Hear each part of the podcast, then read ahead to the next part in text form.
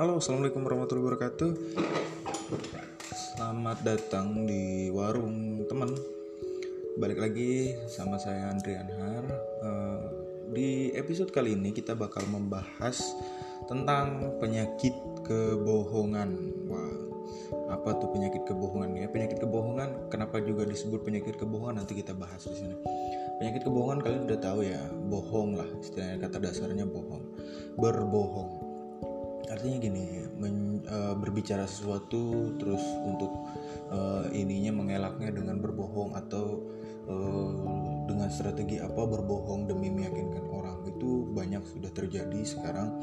Ya kenapa harus saya bahas juga sih hari ini? Karena e, kita lihat saya lihat gitu pengalaman saya pribadi begitu banyak orang di sekitar saya yang sekarang mulai menerapkan ini jadi hal biasa. Padahal ini yang berbahaya. Uh, sampai sekarang saya nggak pernah nemuin tuh kita kalau ngelamar kerja ber, boleh berbohong. Pasti dituntut harus jujur. Di mana-mana kalau kita ngelamar kerja tuh pasti uh, bilangnya harus jujur. Jadi uh, apa-apa saja yang biasanya menjadi penyakit kebohongan kita ulas satu-satu di sini yang pertama jelas ya uh, penjelasan kenapa sih uh, apa sih penyakit kebohongan gitu. Penyakit kebohongan yaitu kenapa disebut penyakit kebohongan? Karena itu ada obatnya. Obatnya yaitu belajar jujur.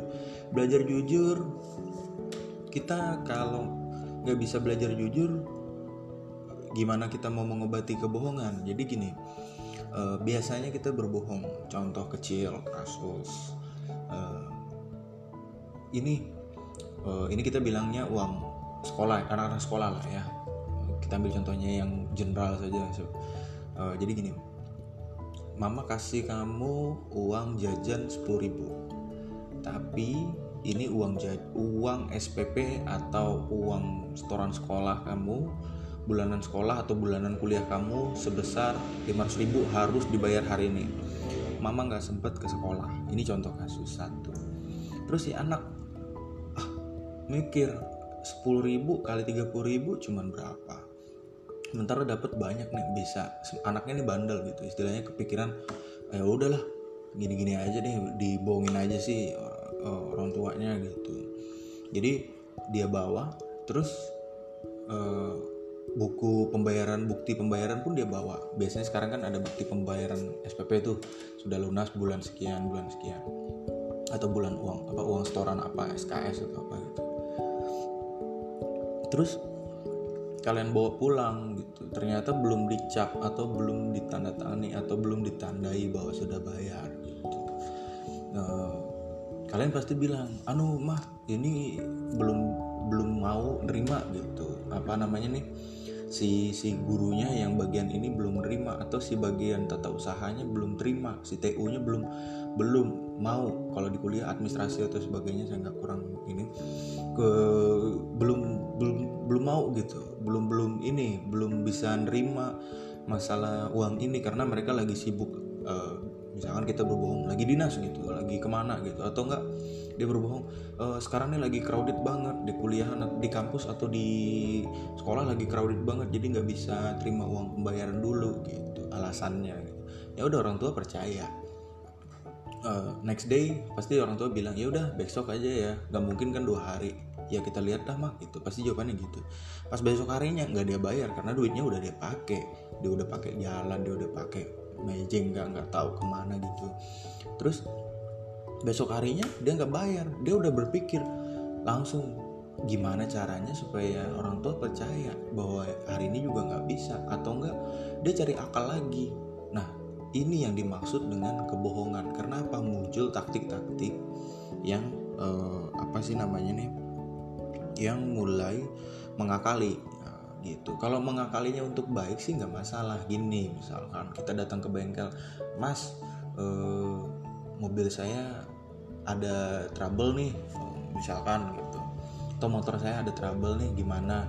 E, kabelnya putus misalkan kabel lampunya putus harus ganti atau gimana? Ah diakalin aja pak. Diput di baik diperbaikin di disambung gitu. Diakalin nggak perlu harus beli. Kalau beli mahal pak. Nah itu diakalin. Itu benar untuk kebenaran. Tapi kalau untuk mengakali yang sifatnya ini ini sifatnya kebohongan. Parah sih. Jelek banget jadinya gitu. Nggak bagus untuk untuk untuk apa untuk dia gitu. Karena misalkan ini lagi sekolah tadi saya ambil contoh kan SMA dia udah belajar belajar berbohong dari SMA lo ya. Dia udah belajar berbohong dari dari dari dari dari apa namanya dari kuliah. Ya anggaplah kita bilang dari dari sekolah gitu dari belajar gitu. Masih masih mulai mulai untuk jadi dewasa untuk jadi lebih lebih lebih berterbuka. Eh malah dia belajar berbohong. Nanti dewasanya di pada saat dia kerja atau dia di dalam ruang lingkup sosial lainnya pasti dia akan membawa ilmu ini karena ini it works before gitu berhasil sebelumnya.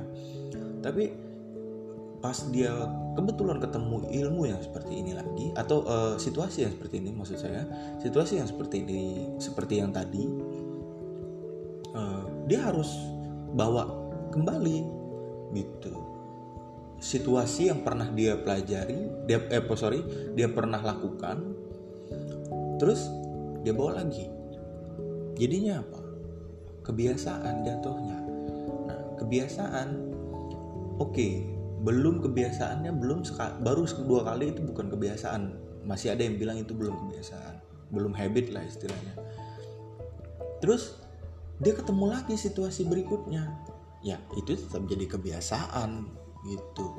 Akhirnya jatuh-jatuhnya ya kebiasaan. Nah jadi alasannya untuk berbohong itu eh, dia menutupi kebohongan selanjutnya. Dia terus terus terus terus nanti akan berbohong itu akan berlanjut gitu.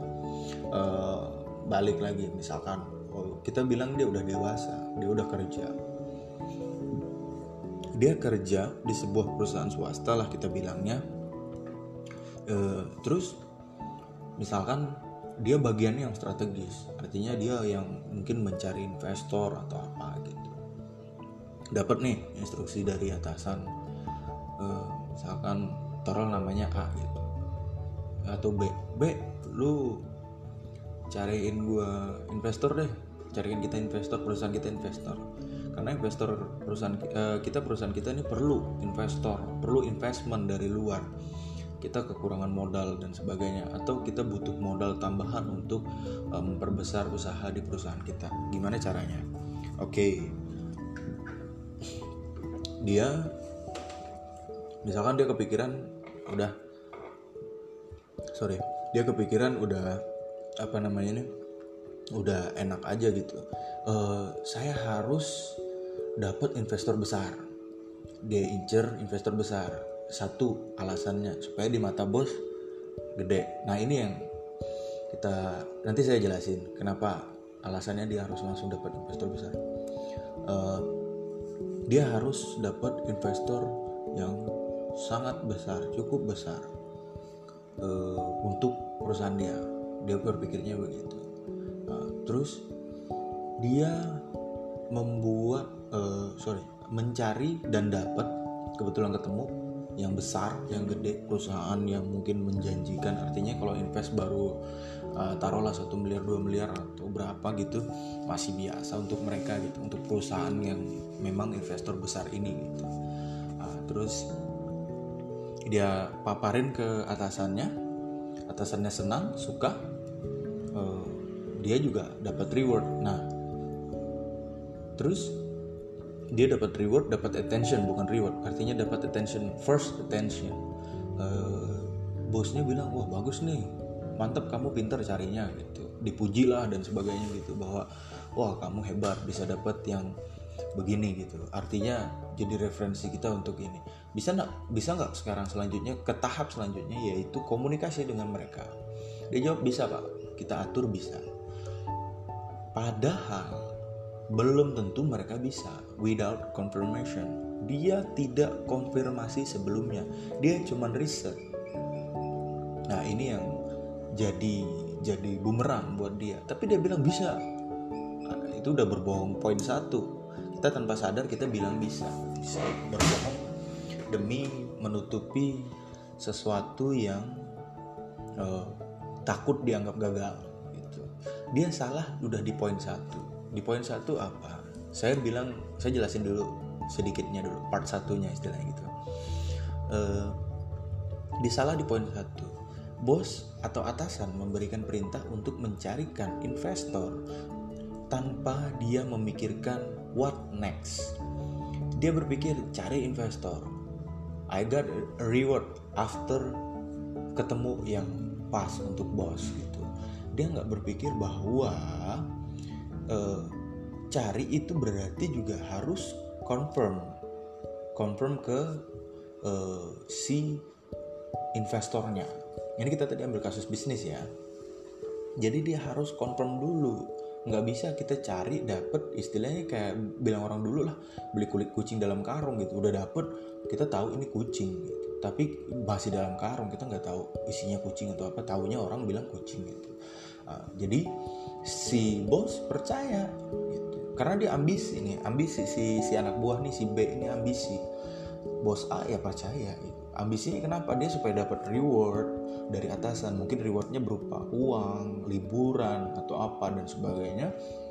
Jadi dia dia dia yakin gitu wah saya habis ini dapat reward. Kan cuma cari. Ya udah nggak berpikir bahwa cari what's next.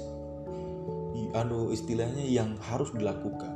Sebenarnya atasan juga memerintah kita harus detail kita sebagai bawahan nggak nggak harus semuanya diajarkan itu kalau ini di dunia bisnis ya gitu. Tapi nanti kita bicara bisnis lebih detail.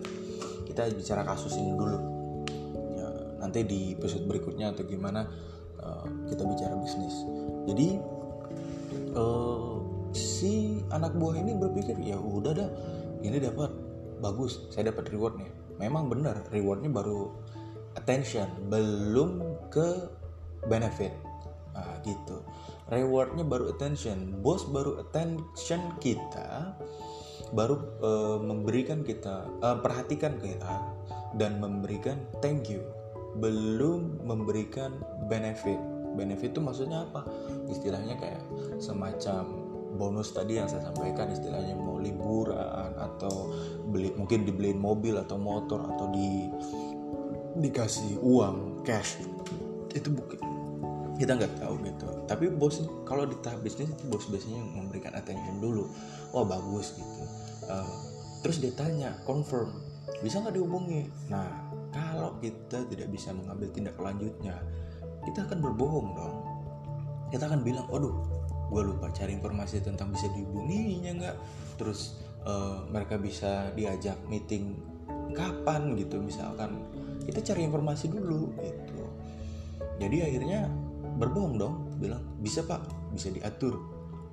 First point bisa diatur itu sudah berbohong. Bisa dihubungi dan bisa diajak meeting itu sudah berbohong. Kamu nggak tahu bahwa uh, si uh, orang yang kita cari atau investor atau perusahaan yang kita cari ini benar-benar bisa nggak dihubungin? Siapa tahu bulan ini full schedule dia dia harus ke mana ke mana ke mana ke mana. Atau misalkan dia tinjau bisnisnya dia atau dia harus ada meeting uh, in, apa internal meeting mereka gitu. Kita nggak tahu bulan itu. Gitu. Jadi kita berbohong udah. Satu first point. Nah, terus kita coba hubungi mereka. Ternyata nggak bisa gagal. Uh, gagalnya kenapa? Satu misalkan. Gagalnya ternyata uh, yang kita hubungin selalu nggak dijawab kita berusaha deh jujur gitu. Artinya bukan jujur apa maksudnya kita berusaha deh ya udah alternatif lain kita cari. Datang ke kantornya. Kebetulan kantornya di di lokasi yang sama. Misalkan kita taruh di Jakarta. Oh ternyata di Jakarta juga kantornya. Dan ternyata nggak jauh dari dari kantor kita bekerja tempat kita bekerja yaitu mungkin di mana gitu. Tapi nggak jauh kan deket kantornya deket gitu. Kita datang ke sana uh, terus mereka bilang uh, mohon maaf pak untuk jadwal meeting uh, untuk bertemu dengan direksi atau bertemu dengan bagian uh, marketing atau apa sebagainya itu harus uh, uh, harus booking atau harus buat janji itu mungkin satu bulan atau dua bulan gitu. Karena perusahaan kita pak terlalu banyak yang buat janji jadi kita nggak bisa layani semuanya dalam istilahnya booking hari ini besok kita layani. Nggak bisa pak. Jadi kita harus buat janji dulu satu bulan atau dua bulan begitu dan bulan ini kebetulan lagi penuh. Dan mereka bisa kosongnya pas dicek jadwal di konfirmasi kita konfirmasi ternyata bisanya di bul e, tiga bulan atau lima bulan berikutnya. Eh kita ambil contoh lima bulan deh. Lima bulan berikutnya. Sementara bos maunya bulan depan kita harus jalanin bisnis dan dapat invest di bulan di minggu itu. Di minggu di mana bos tadi uh, nyuruh kita gitu. pusing dong. Bingung solusinya apa? Kita udah terlanjur bilang bisa. Padahal nggak nggak bisa. Cari alasan cari alternatif atau gimana? Pulang ke kantor ngomong sama bos pak uh, kebetulan kita dapat jadwal di bulan kelima gitu loh kok lama? Kita harus running bulan ini juga. Kalau nggak bisnis kita kolaps. Perusahaan kita bangkrut. Nggak bisa diatur gini. E, kita baru dapatnya sekian. Padahal kita nggak booking. Awalnya kita nggak booking. Karena itu tadi kita salah di confirm. Kita harusnya sebelum menyerahkan ke bos kita confirm dulu. Bisa nggak diatur? Kalau nggak bisa kita cari alternatif sebelum kita presentasi ke bos tadi. Itu solusinya karena kita sudah berpikir untuk berbohong dan terbiasa. Kasusnya kenapa kasusnya kita langsung belok dulu karena bukan bisnis ya Rana ya. Karena kita udah terbiasa berbohong ya jadi kita berbohong terus. Kita awalnya salahnya kita bedah. Awalnya salahnya kita kita tidak find informasi mengulik bahwa uh, sebenarnya bikin jadwal dulu konfirmasi dulu ke perusahaannya bisa dihubungi nggak? Kalau nggak bisa kita cari solusi perusahaan lain. Itu satu. Yang kedua kita konfirmasinya telat. Pada saat bos sudah tahu perusahaan ini yang kita incar malah kita konfirmasinya setelahnya. Jadi apa?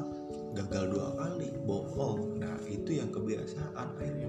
Masih syukur kalau bosnya masih menerima kita. Artinya gini ya udahlah eh, kebohongan itu ditelan sama bos. Ya udahlah kita atur jadwal atau gimana atau enggak ya udahlah kita cari perusahaan lain itu ditelan. Tapi kalau bosnya yang pinter artinya ngulik loh kenapa begini? Kok bisa begini? Kamu bagaimana? Kamu bagaimana? Waduh lu mati lo istilahnya kan gitu. Udah bangkrut istilahnya. Nah perusahaan ini eh sorry di dalam kasus ini kebohongan itu ya itulah penyakit karena apa? Penyakit kita pakai terus kita pakai kita bawa terus kita ini. Kita udah tahu ini penyakit. Sebenarnya kita juga udah tahu obatnya jujur. Ya.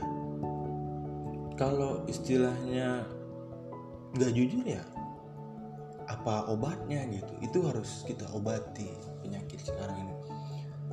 Saya kesel ini kejadian nyata sih? Baru-baru ini gitu. Ada orang ngomong di depan. Begitu di akhir jadi B. Kesel nggak tuh? Jadi gini uh, bilang ini kita coba kasus lagi. Kita nanti bakal ketemu ini dan ini sudah deal. Uh, sekian miliar misalkan gini. Ini sebenarnya realita cuman ya bilang aja ini jadi kasus gitu. Tapi realnya nggak nggak begitu ya. Cuman kejadian nyatanya saya ceritain mirip-mirip lah gitu. tapi kalau detailnya nggak nggak nggak bener ya. Uh, ada yang ngomong kita udah dapet dan ini ada sekian miliar yang bakal beli produk kita. E, maksudnya ada sekian miliar uang dana yang akan dikucurkan oleh e, perusahaan atau apa gitu sekian miliar gitu. Dan mereka mau ini udah deal. Kita harus e, buat janji ke mereka dan presentasi oke okay. dan kebetulan saya udah buat janji padahal belum. Oke okay. kapan besok waduh mendadak sekali ya. Di dalam hati saya udah berpikir ini pasti uh, salah arahnya. Tapi kita coba percaya. Besok besoknya kita udah prepare. Besoknya kita mau berangkat kita tanya gimana? Aduh pak cancel. Penuh karena uh, mereka schedule mereka padat untuk hari ini. Besok oke okay, next day lagi. Udah dua hari nih eh, udah satu hari lewat artinya kan. Next day-nya lagi. Kapan bisa nggak? Aduh pak nggak bisa. Schedule mereka masih padat banget anu hari ini.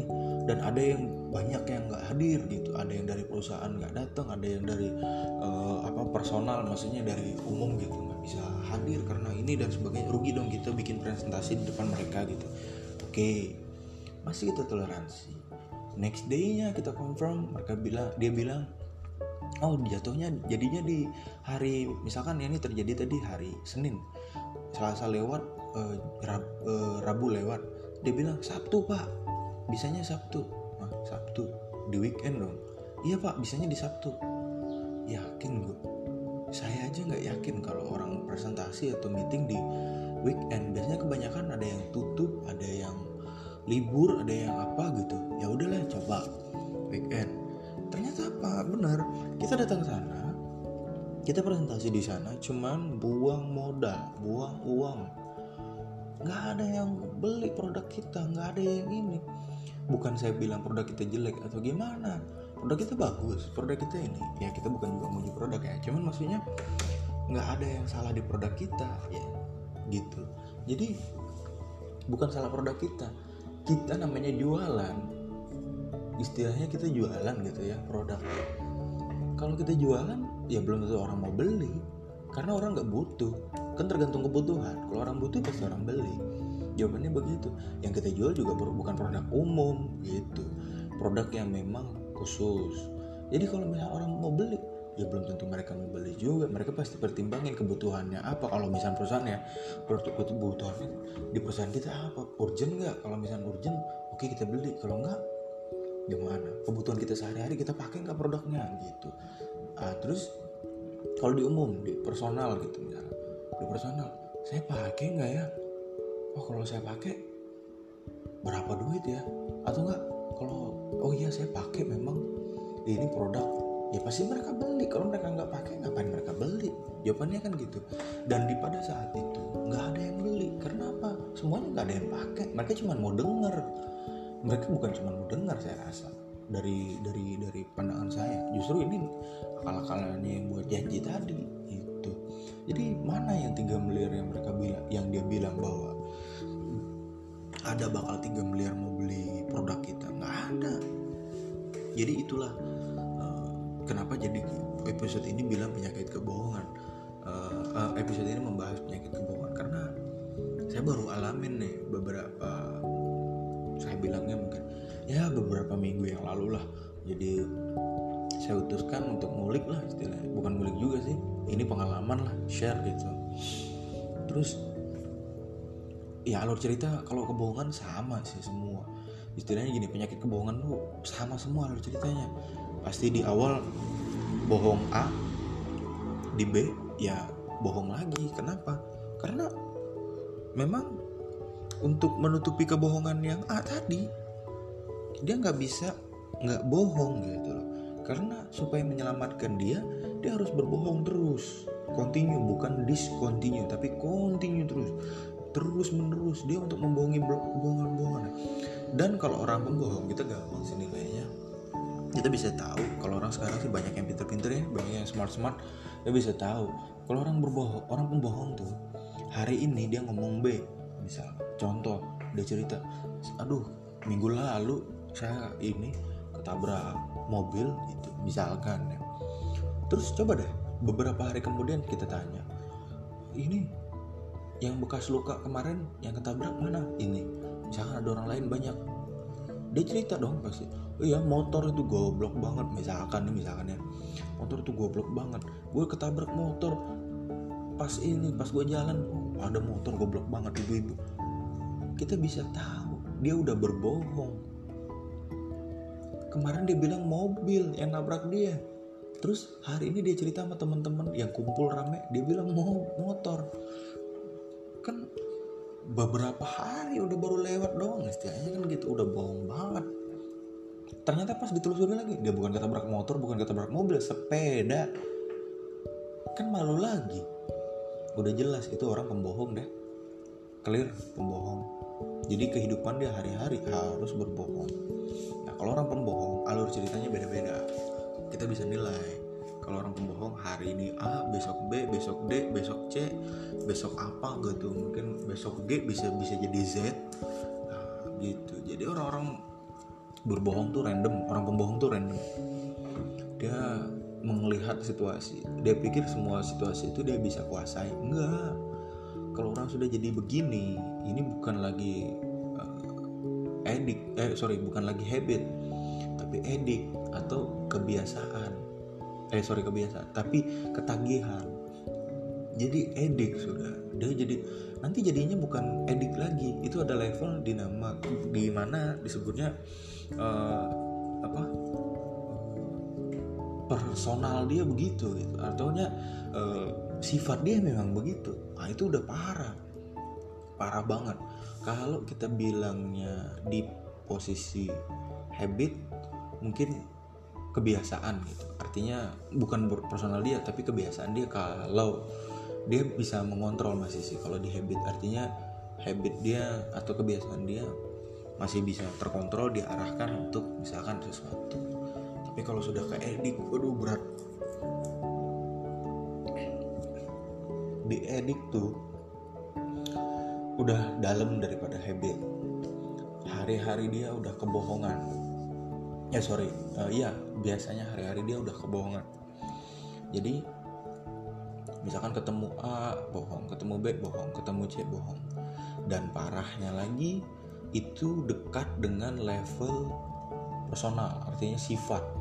Sifat dia pembohong.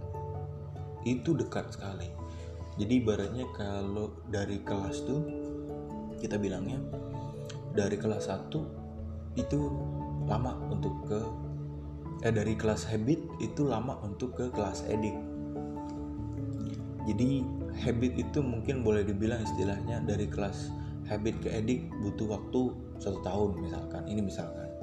Lama kan? Tapi dari kelas edik ke kelas menjadi mendarah daging ya saya bilangnya mendarah daging atau dibilang sifatnya sifatnya orang itu itu sangat dekat. Cuman jarak waktu satu menit atau satu detik. Dekat banget kan? Jadi hampir-hampir nggak bisa dibedain. Kalau edik kita gini loh. Kalau edik uh, apa pun yang diceritain itu bohong pasti. Misalkan kemarin ketemu perusahaan A besok ketemu perusahaan B dan akhirnya ketemu perusahaan C. Uh, itu itu itu edik berbohong. Habis itu ketemu orang lagi dia berbohong lagi ketemu orang lagi dia berbohong lagi. Tapi orang akan mencap dia dan itu sebentar saja waktunya men-switch dari edik ke sifat atau menjadi darah dagingnya dia. Udah kalau mendarah daging dia udah nggak bisa kontrol juga. Dia udah nggak bisa bukan nggak bisa kontrol sih. Maksudnya dia udah nggak bisa tahu posisi bohong yang misalnya gini strategi bohong A itu dibawa ke, uh, kalangan A. Strategi bohong B itu dibawa ke kalangan B. Strategi bohong C itu dibawa ke kalangan C. Dia udah random udah karena dia udah jadi sifat. Strategi bohong A dia itu dibawa ke kalangan C. Strategi bohong B dia itu dibawa ke kalangan A dan strategi bohong C itu dibawa ke kalangan B.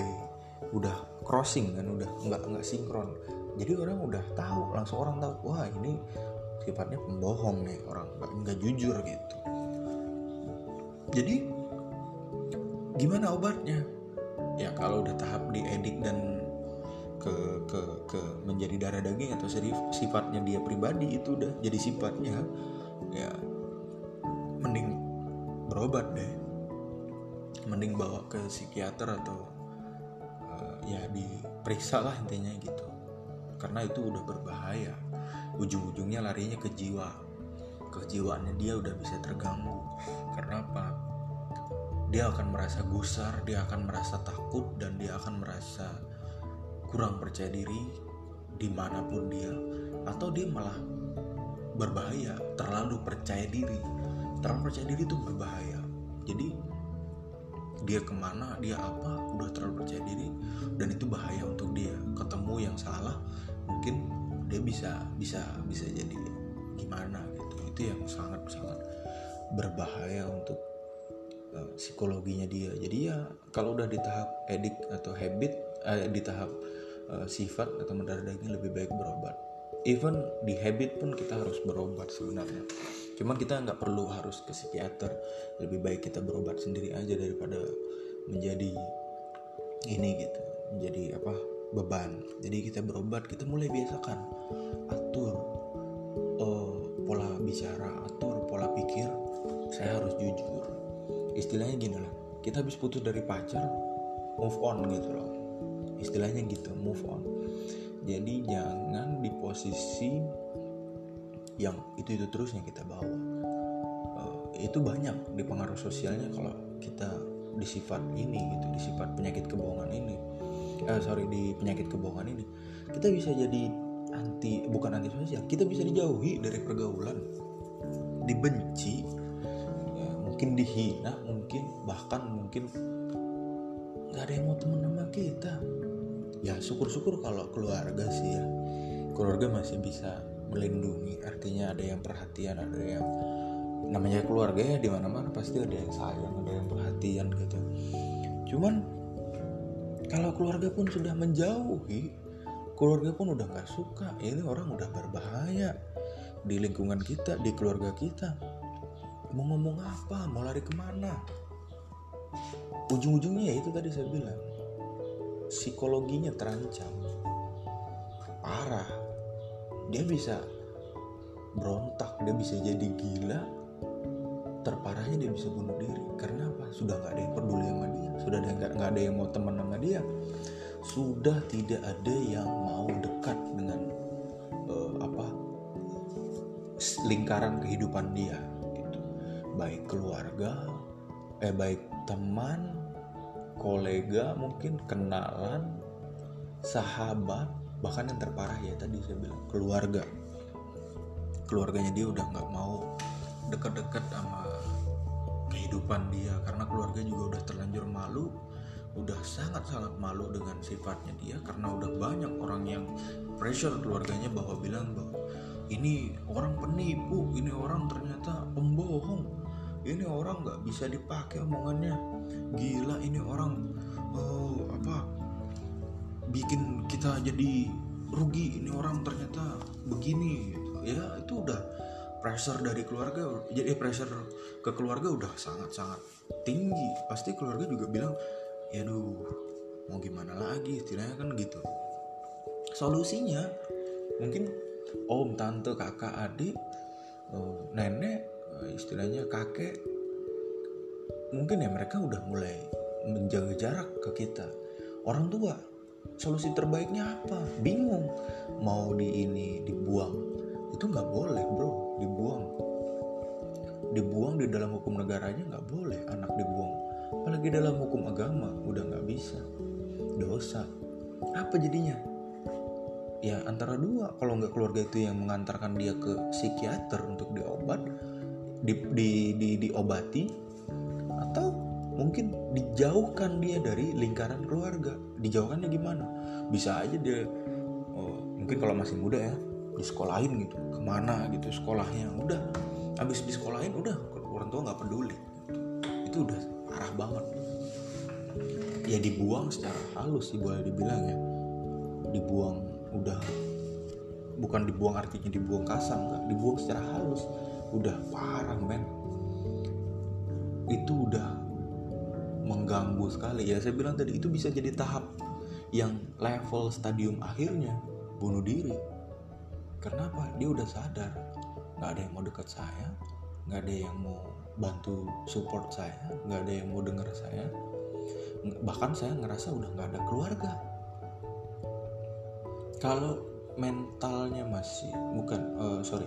Kalau dia masih kuat mungkin ujung-ujungnya cuma gila nggak ada kepikiran yang aneh-aneh.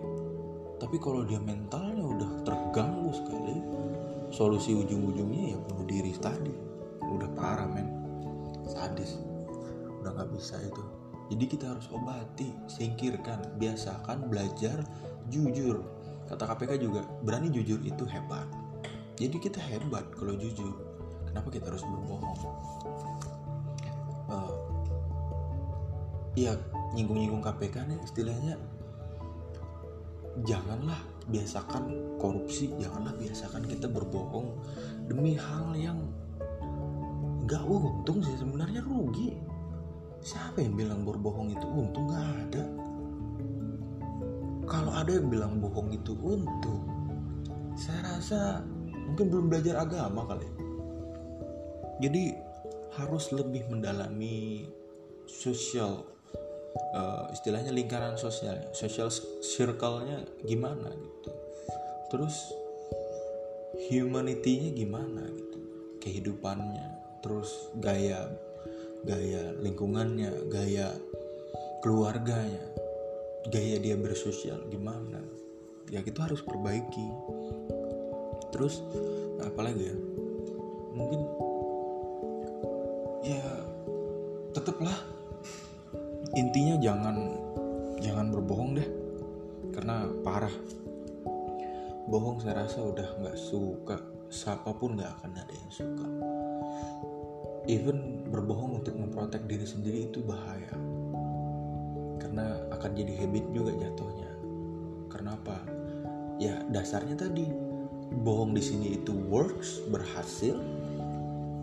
Ah bohong lagi untuk ini. Gitu. misalkan tadi bohong untuk menutupi A berbohong. Tapi berhasil memang untuk kebaikan gitu. Artinya memprotek dia. Bohong alasannya dia tadi. Tapi untuk selanjutnya dia akan berbohong lagi. Nah itu jadinya habit jatuh-jatuhnya terus-terusan jadi habit. Itu yang berbahaya. Lebih baik kalau untuk memprotek jangan berbohong. Saya rasa menjauh yang lebih tepat. Atau mendenial atau istilahnya ya tadilah menjauh lah. Jadi jangan uh, misalkan ada yang bertanya uh, password wifi handphone kamu apa? Kita bohong gitu. Ini contoh kecil ya bohong. Atau password wifi iya password wifi kamu apa? Gitu. Uh, kita bohong. Coba aja sendiri. Misalnya kita bilang gitu. Padahal passwordnya coba aja bareng misalkan gitu. Passwordnya coba aja bareng. Coba aja ah kemarin bisa kok. Itu coba aja sendiri. Itu jawabannya. Karena passwordnya gini-gini. Itu misalkan Tapi kemarin saya dikasih sama orang telkomnya itu. Aduh saya nggak bisa lagi ganti harus panggil orang telkom nih kalau ganti. Nggak tahu itu passwordnya. Udah. Berarti dihack dong padahal kita berbohong demi nggak mau. Lebih baik kita denial atau lebih baik kita uh, menjauh atau kita bilang aja mohon maaf deh nggak bisa laptop uh, password uh, wifi-nya ini khusus untuk kerja atau password wifi-nya ini khusus untuk uh, ini paketnya kecil takutnya tagihannya gede jadi kita kita aja yang bisa pakai. Mohon maaf kita nggak nggak mau share gitu kan selesai. Daripada harus berbohong bilang ya jujur. Kan diajarkan juga dalam agama. Karena saya Islam diajarkan juga dalam agama jujurlah kamu walau itu pahit gitu walaupun itu sakit ya jujur aja. Tapi kan ujung-ujungnya juga orang bisa menerima walaupun itu pahit walaupun itu sakit. Sekarang orang banyak pinter-pinter kok. Nggak kayak dulu lagi dikit-dikit tersinggung dikit-dikit apa. Memang ada sih beberapa yang tersinggung gara-gara uh, bicara begini bicara A bicara B. Tapi nggak nggak nggak semua. Sekarang saya rasa udah pintar ya udah udah bisa menerima apa alasan kita. Dan mereka udah bisa berpikir luas kok gitu. Jadi alangkah baiknya sih nggak usah berbohong deh gitu. ya sampaikan aja walaupun sakit. Orang juga bisa nerima tadi contoh kasusnya wifi. Bro gue mau join wifi lo apa maksudnya?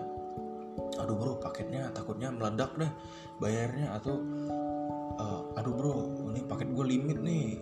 Jangan deh ini gue nggak nggak nggak nggak bisa share gitu. Karena paket gue limit. Gue takutnya gue ada perlu wifi gue habis gimana gitu. Itu yang lebih baik jelas gitu. Jadi kalau misalnya orang nggak bisa nerima aduh bro gue nggak ada paket. Ya bro gimana lagi? Gue juga ini gitu. kan kasih alasan yakinkan. Lebih baik yakinkan gitu. paket gue juga limit paket gue juga ada oh ini gitu gimana? Gue juga ada kerjaan bro. Kalau cuman buat main game sih gimana ya? Nggak bisa lah. Atau mau kirim-kirim email ya intinya nggak bisa lah gitu. Karena ada kebutuhan mendesak juga. Udah selesai. Ada orang pinjam duit bro gue mau pinjam duit uh, dikit kok cuma 500 ah memang kita ada satu juta.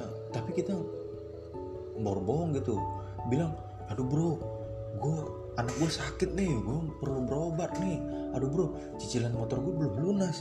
Lebih baik jujur deh bilang bro nggak bisa karena bulan ini jujur ini uang safety atau ini uang tabung tabungan gua. Nggak bisa gua ganggu. Walaupun kita nggak ada kita bilang ini uang tabungan. Memang uang tabungan. Kalaupun kita ada terus kita nggak ada kebutuhan kan kita ada bisa simpanan. Even kalau kita artes rasa kemanusiaan kita bisa pinjam kan yang nggak sebanyak itu gitu jadi daripada berbohong lebih baik kita jujur aja kita bilang. Lebih gampang. Orang juga pasti nerima kok. Kenapa? Orang sekarang nggak ada tuh yang mukul gara-gara kita jujur. Nggak ada. Jarang. Kalau ada pun ya itu paling gimana ya? Istilahnya bego lah tapi kalaupun ada yang berbohong eh apa? Mukul gara-gara kita jujur itu bego banget gitu istilahnya. Jadi lebih baik kita jujur gitu. Apa adanya kita ngomong aja. Kalau kita udah berbohong tuh udah parah banget bro.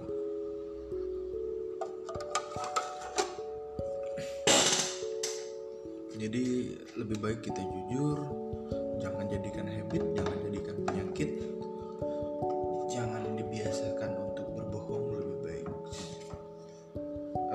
tidak ada istilah berbohong kan cuma sekali seumur hidup nggak ada. Berbohong cukup tidak pernah bukan sekali seumur hidup tapi cukup tidak pernah berbohong. Insya Allah jadikan biasa kebiasaan. Tidak ada ruginya anda untuk jujur. Kerugian terbesar anda adalah kebohongan. Jadi biasakan deh teman-teman kita jujur deh. Mulai sekarang kita tumpas lah kebohongan-kebohongan yang aduh sakit dengarnya gitu. Kita kebiasaan. Kalau di dunia sosial kita kita kebiasaan gitu. Dengar-dengar yang bohong gitu. Sakit.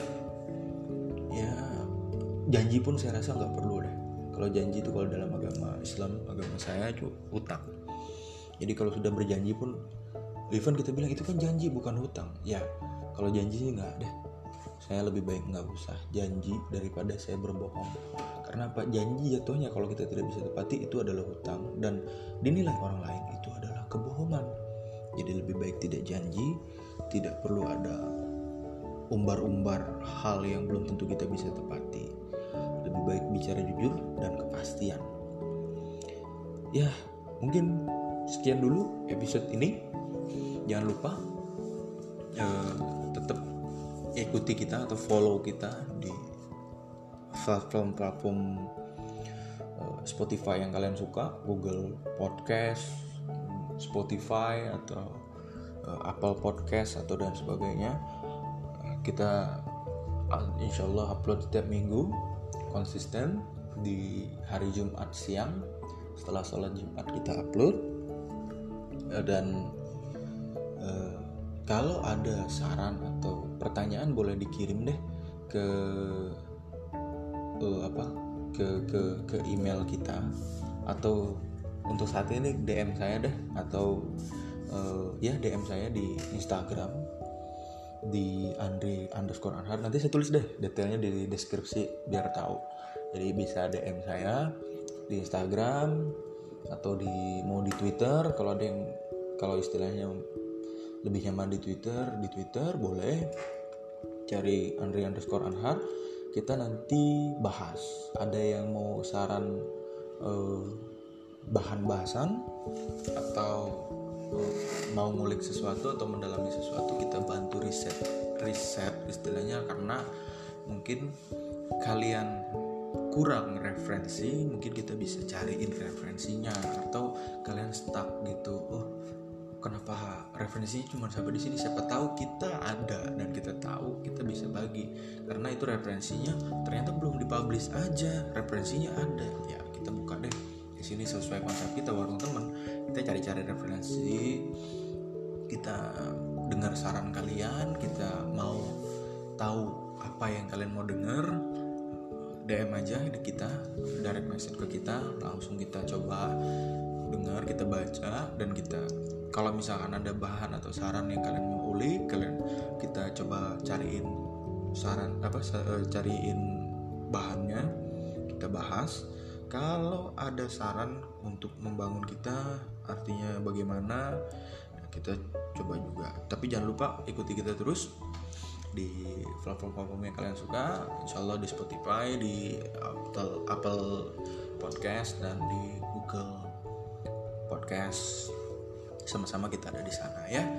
Uh, sekian dulu kita habisin kopinya terus gorengannya kita makan.